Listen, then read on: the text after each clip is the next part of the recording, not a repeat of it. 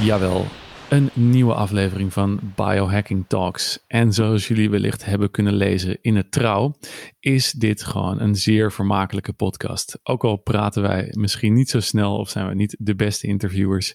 Deze podcast wordt toch aangeraden door het Trouw, een nationaal dagblad. Dankjewel jongens uh, voor het luisteren, want jullie zijn daar mede onderdeel van. En ik zit natuurlijk weer bij Eduard aan tafel. En Eduard en ik gaan vandaag een heel interessant onderwerp behandelen. Wat wij in ieder geval kunnen zeggen daarover is dat het ontzettend goed samengaat met een kopje upgraded koffie van Noordcoat. Want dit gaat over iets wat met je brein te maken heeft. En als je dat wil verbeteren, dan is MCT-olie, C8 MCT-olie wel te verstaan van Noordcoat een hele, hele goede aanvulling op alles wat wij jullie nu gaan vertellen. Eduard, waar gaan we het vandaag over hebben? Hey Gavert, ik uh, zal ook kijken of ik wat sneller kan praten. dat is het mooie, als je gewoon, uh, als je denkt en praat tegelijkertijd en je wil geen poep praten, ja, dan, dan, uh, dan komt dat misschien wat traag over. Maar dat, ik zal eens kijken of dat gaat lukken in deze toekomstige podcast. Maar de, het, het onderwerp is inderdaad hoog sensitief zijn. En en uh, dat betekent dat je gevoelig bent voor prikkels in, wel, in welke vorm dan ook. Ja.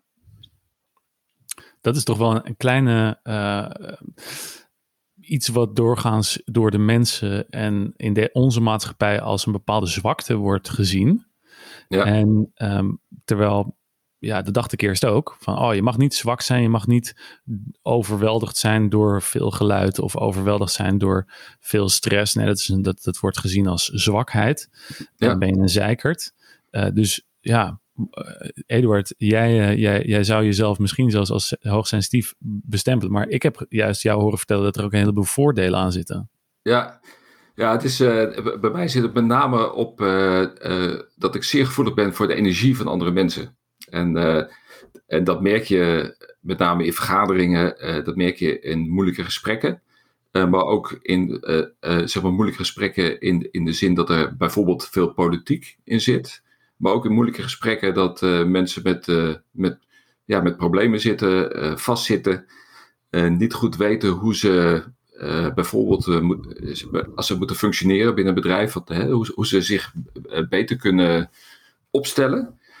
En, ehm, eh, en ik heb dus gemerkt dat, uh, uh, dat op de een of andere manier ik daar een enorme antenne voor heb. Mm dus op het moment dat ik in een vergadering zit, dan, dan automatisch, daar was ik eigenlijk helemaal niet bewust van, check ik in bij iedereen. en ik weet dus gewoon, ik weet dus continu hoe mensen in de vergadering zitten, in het gesprek zitten. en de, de, de, de, kleinste, de lichtste verandering die die in hun houding of wat dan ook plaatsvindt, uh, die, die pak ik meteen op.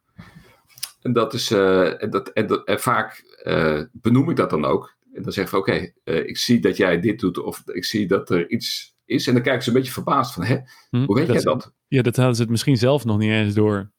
Nee, die hebben het zelf niet eens door. Ja. En, en, ze, je ziet zijn ook wel bij, bij, ja, bij, bij hele goede therapeuten bijvoorbeeld, die hebben deze eigenschap ook. En die gebruiken dit als gewoon een coaching tool. Van hey, ik zie dat dit gebeurt bij een cliënt. Ja, tuurlijk heb jij dan voordeel. Ja, ja en ik, uh, ik, ik uh, coach mensen. En ik heb uh, in mijn vorige professie als consultant bij VRDW heb ik ook heel veel mensen gecoacht. en blijkbaar ook, zonder dat ik überhaupt dat etiketje hoogsensitief op mijn hoofd had staan, maakte ik daar gebruik van bij het coachen door uh, de gesprekken op een, op een ander level uh, te adresseren dan puur de inhoudelijkheid. dus, dus door uh, nou ja, in te checken bij mensen van ja, wat. wat ehm, ja, ja ik, weet niet hoe, hoe, goed hoe ik het moet formuleren, maar hoe je je voelt, wat, de, wat er door je heen gaat, wat je emoties zijn en hoe je daarmee om kan gaan. in plaats van dat je puur op, op, op, met, ja, op op ja, inhoud. Ratio. Op ratio, precies. Op ratio uh, probeert uh, dingen te veranderen. Ja, nou ja, kijk, je, je, je hoort misschien aan, aan Eduard ook wel dat hij nu vanuit zijn gevoel uh, gaat en dat dit een ervaringsdeskundige is. Daarom ben ik even de boeken ingedoken. Uh, en ik heb dus de grootste expert op het gebied van hoogsensitiviteit heb ik geprobeerd na te gaan. En dat blijkt dus alleen Aaron te zijn. En die zegt onder andere dat het een, een, een eigenschap is en geen aandoening. Okay. dat, dat, even, dat dat even duidelijk mogen zijn. uh, het, is, het is ook geen zwakte of fragiliteit. Het is, het is ook geen, geen introverse of verlegenheid. Want je ziet wel eens vaak dat mensen die dan hoogsensitief zijn ook een beetje teruggetrokken zijn. Maar dat is helemaal niet zo. Eduard is dat helemaal niet. Nee. en het is ook geen vrouwelijke eigenschap. Uh, hè, dus, ja, dat, is wel weer jammer. nou, ja, nou ja, kijk, dat, dus dat, dat wordt ook dan nog wel, uh, nog wel eens, uh, nog wel eens geponeerd. het is ook niet zeldzaam, want 20% van de mensen heeft hier eigenschappen van. En dat hoeft dus niet alle eigenschappen te zijn. Dat je bijvoorbeeld heel goed kan ruiken of meer kleuren kan waarnemen of uh, beter kan proeven. Maar Eduard heeft het dus bijvoorbeeld op energie waarnemen. Maar er, zijn, er blijken gewoon een heleboel mensen uit de geschiedenis zijn geniale mensen die ja. ook tegelijkertijd hoogsensitief waren. Een HSP'er, zoals ze dat dan noemen. En uh, er wordt dan ook wel van, uh, van, van uh, Steve Jobs gezegd dat hij het zou zijn. Um, Martin Luther King en Michael Jackson en uh, hoe heet hij? Tony Stark uit uh, Marvel, heet hij nou ook weer? Robert Downey Jr. Dat zijn mensen die, die hoogsensitief bleken te zijn. En het is ook niet cultureel bepaald. En je kan ook, en dat vond ik mooi om te, om te leren, dat je ook um, dus extrovert kan zijn en hoogsensitief. Dus dat je heel erg prikkels opzoekt, maar en, en houdt van andere mensen. Uh, en, maar dat je tegelijkertijd ja, daar wel een heleboel, uh, heel, dat het eigenlijk best zwaar voor je is op het moment dat je al die prikkels dan ineens binnenkrijgt. Maar ik neem aan dat het dan ook genetisch uh, bepaald wordt. Precies, precies. Dat vond ik ook ik mooi heb, om te zien. Ik heb namelijk twee dochters die, die dat ook zijn. Dus dan, dat zou iets kunnen Ja. verklaren. Ja, ja het, het, het heeft dan te maken met een bepaald gedeelte in je hersenen, de insula, waar allerlei um, centra van, van je zintuigen bij elkaar komen. Een soort van hub in, de, in het brein. En, en uh, op het moment dat die overloadt, dan, uh, ja, dan, gaan, uh, dan krijg, je daar, krijg je daar minder energie naartoe. En dan gaan allerlei processen gaan dan een heel stuk minder. Dan word je gewoon heel erg moe. Kijk, nu, nu, uh, nu gaf ik net al aan dat, uh, dat je de, uh, je enorm je voordeel mee kan doen. want wat ik aangaf is, zeg maar, dit soort moeilijke gesprekken, vergaderingen en dergelijke, kun je eerder signaleren dat er bepaalde dingen onder de oppervlakte zitten die je, als je daar niet gevoelig voor bent, overheen loopt. Ja. En vervolgens kan zo'n vergadering escaleren en, en ja, een ongewenste uitkomst hebben. Terwijl op het moment ja. dat je het kunt adresseren, dan kun je een ander gesprek voeren, andere onderwerpen aansnijden. En, uh, ja, je kan de, bom, de, de bom diffusen voordat die gaat ontploffen. Exact, want, want dan heb je het over, over het onderliggende in plaats van over datgene wat aan de oppervlakte besproken wordt. Mm -hmm, mm -hmm. Uh, dus, dus in die zin kan, het, kan, het, kan je ervan profiteren, wat ik dus ook heel veel gedaan heb. Maar aan de andere kant zijn er ook mensen die er veel last van hebben. En, en uh, daar ben ik ook wel er, erg benieuwd van. Zijn er, uh, als we het hebben over biohacking, uh, zijn er dan ook strategieën om, er, om ermee om te gaan? Hè, bijvoorbeeld, kun je iets met supplementen mee doen? Of, of hè, wat, ja.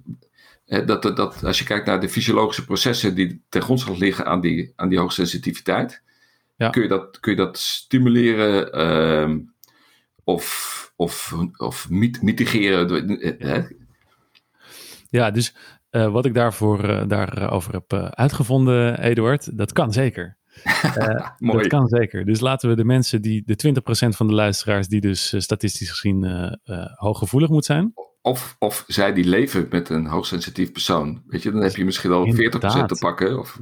Precies, precies. want het kan inderdaad vrij moeilijk zijn, iemand, met iemand omgaan die hoogsensitief is. Ja, um, ja er, het is te biohacken. En ehm, dan komen we zometeen ook nog op iets dat heet hooggevoelig. En dat is namelijk wat er gebeurt op het moment dat je, laat zeggen, een burn-out hebt gehad. Of ehm, eh, eh, heel lang bent blootgesteld aan dus chemicaliën of iets dergelijks. Ehm, en daardoor begint, uh, was je misschien niet eerst hoogsensitief, wat genetisch is. Maar hooggevoelig is dat je, dat je als het ware jouw antennes zijn veel gevoeliger geworden doordat je iets traumatisch hebt meegemaakt. Maar dat, maar dat terzijde. Dat, dus je kan het ook nog worden. Ja. Ehm, maar nee, het kan gebiohacked worden, namelijk doordat het brein overprikkeld wordt. En die overprikkeling, die kost jouw brein heel veel uh, remmende neurotransmitter. En dat is de GABA-neurotransmitter. Oké. En die is nogal interessant, want die is de biohacken. Daar kunnen we supplementjes voor nemen. En vrij makkelijk ook zelfs. En ik denk dat die, die, die liggen gewoon bij Live Healthy in het, uh, in het schap. En, uh, en daar kunnen we gewoon uh, een aantal laaghangend fruit voor de luisteraars aan opnoemen.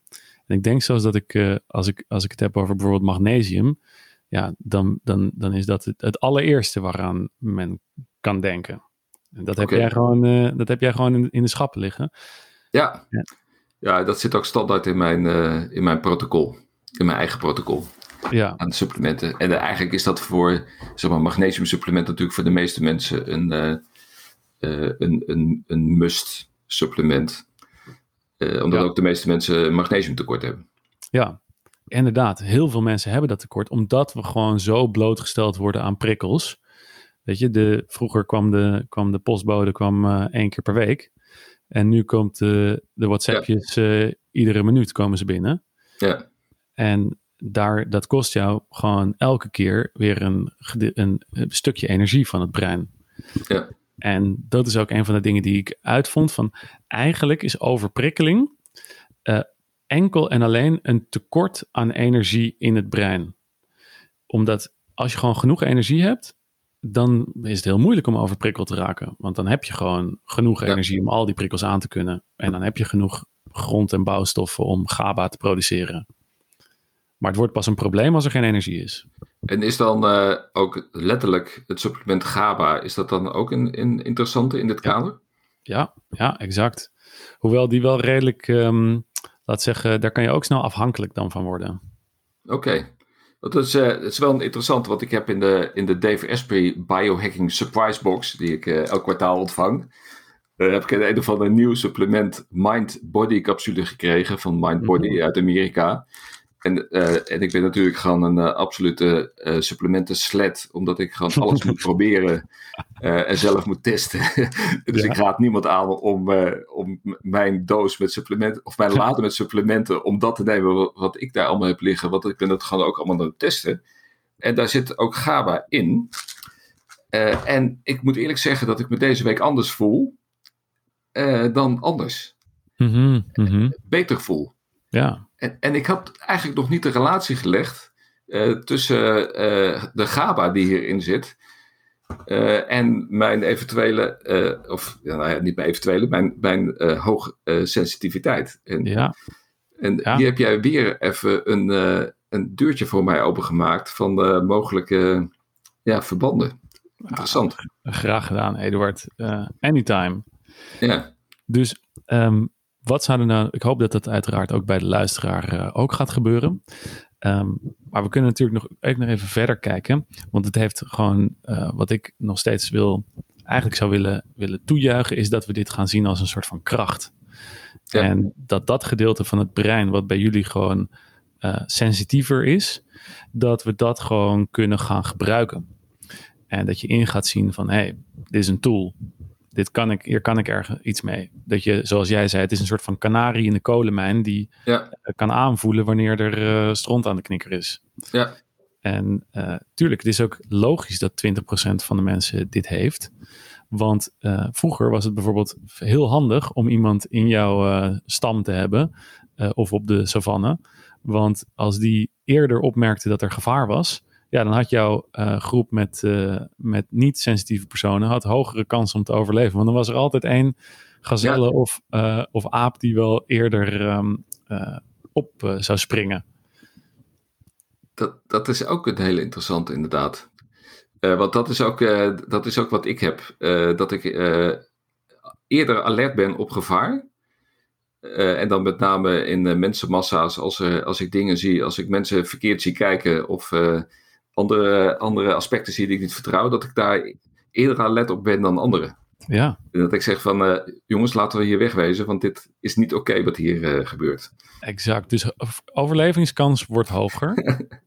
uh, dat is dus ook waarom um, ook dit wordt waargenomen bij dieren. Dus mensen zijn niet het enige die hoogsensitief zijn. Het kan ook gewoon, je kan ook een hoogsensitieve kat in je huis hebben rondlopen. Ja, dat kan ook.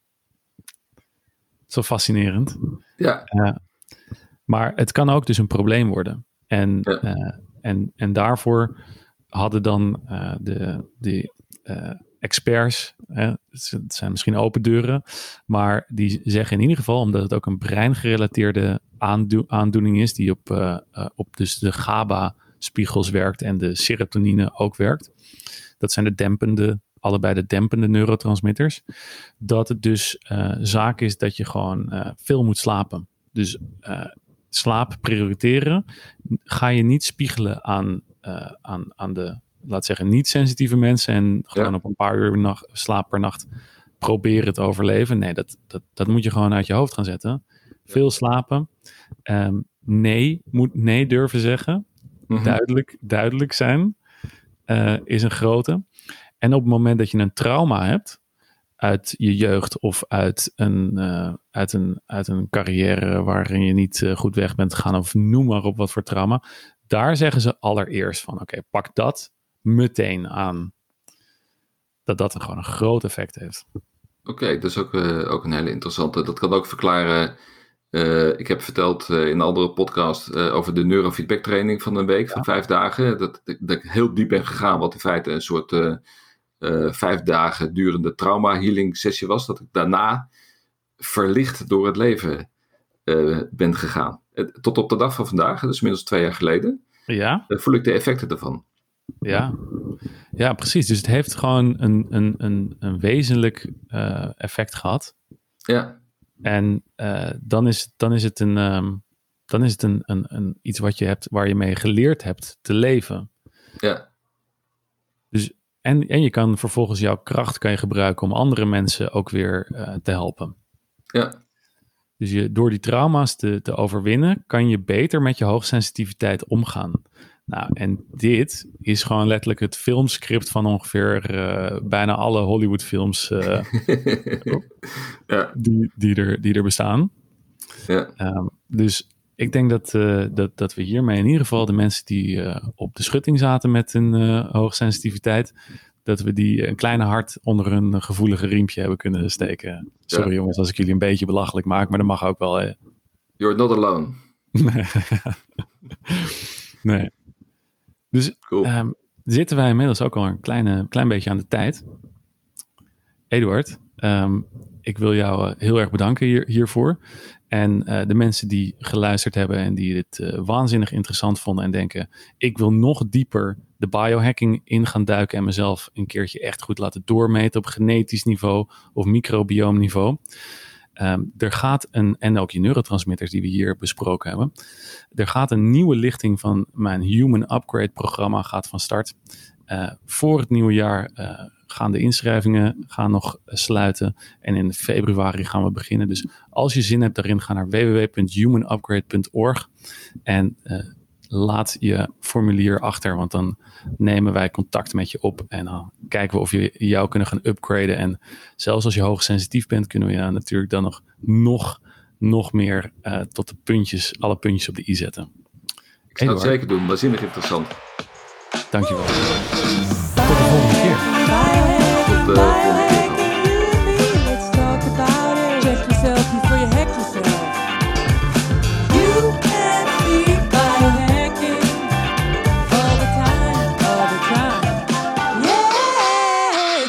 talk